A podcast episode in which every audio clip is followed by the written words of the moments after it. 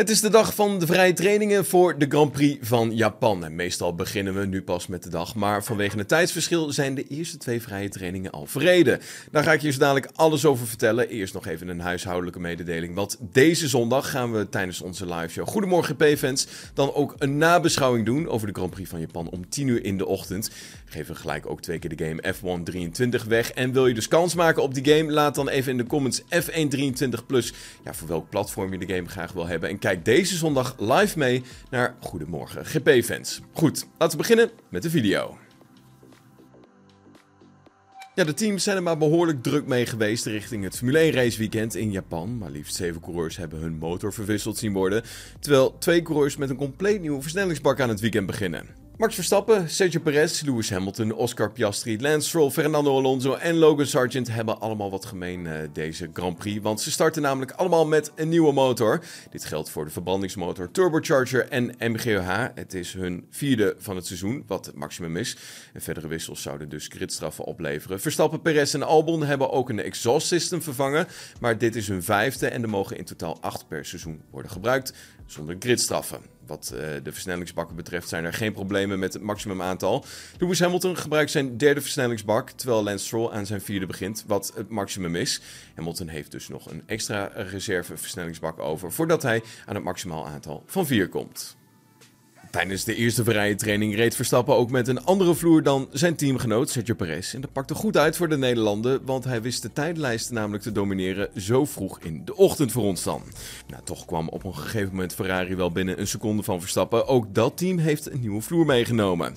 De eerste vrije training had geen grote incidenten of momentjes. Teams konden mooi data verzamelen, waardoor het een incidentloze training bleek te zijn waarin de gele vlag niet eens gebruikt hoefde te worden. Nou, tijdens de tweede oefensessie was het iets spannender. Ook daar wist Max Verstappen zich bovenaan de tijdenlijst te rijden met een 1.30.6. Tijdens het begin van de training was het gelijk druk op de baan. Want voor dit weekend heeft Pirelli namelijk een testbal meegenomen. Daar gingen de coureurs gretig mee aan de slag. Ja, Verstappen koos ervoor om dat tijdens het einde van de sessie te doen. Nou, tijdens de longruns ging het gros van het veld naar de gele band en de snelste tijd werd uiteindelijk niet meer verbeterd.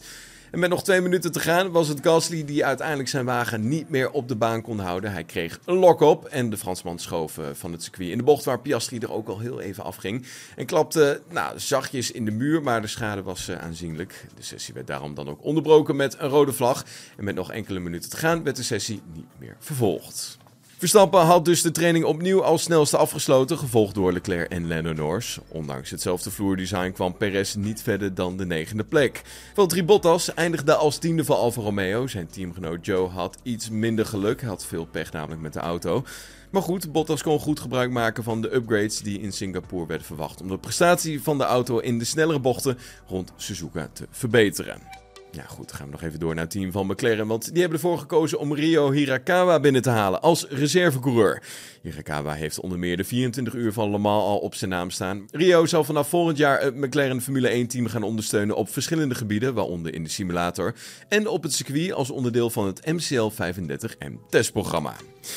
Tijdens schema gaan we nog even met je doornemen. Morgen om half vijf in de ochtend is het weer tijd voor de training. De zaterdagtraining weliswaar. En om 8 uur kunnen we gaan genieten van de kwalificatie. Zondag 24 september mag je ook vroeg uit de veren. Want om 7 uur in de ochtend is het dan tijd voor de race. En om je zondagochtend helemaal compleet te maken, hebben wij om 10 uur nog een speciale live uitzending van Goedemorgen P-Fans. Met de nabeschouwing van de Grand Prix van Japan was hem dan het GP nieuws van de vrijdagochtend hier op Spotify. Vond je dit een leuke aflevering? Vergeet ons dan zeker niet te volgen. Dan zien we vanmiddag weer. Tot dan. Hoi.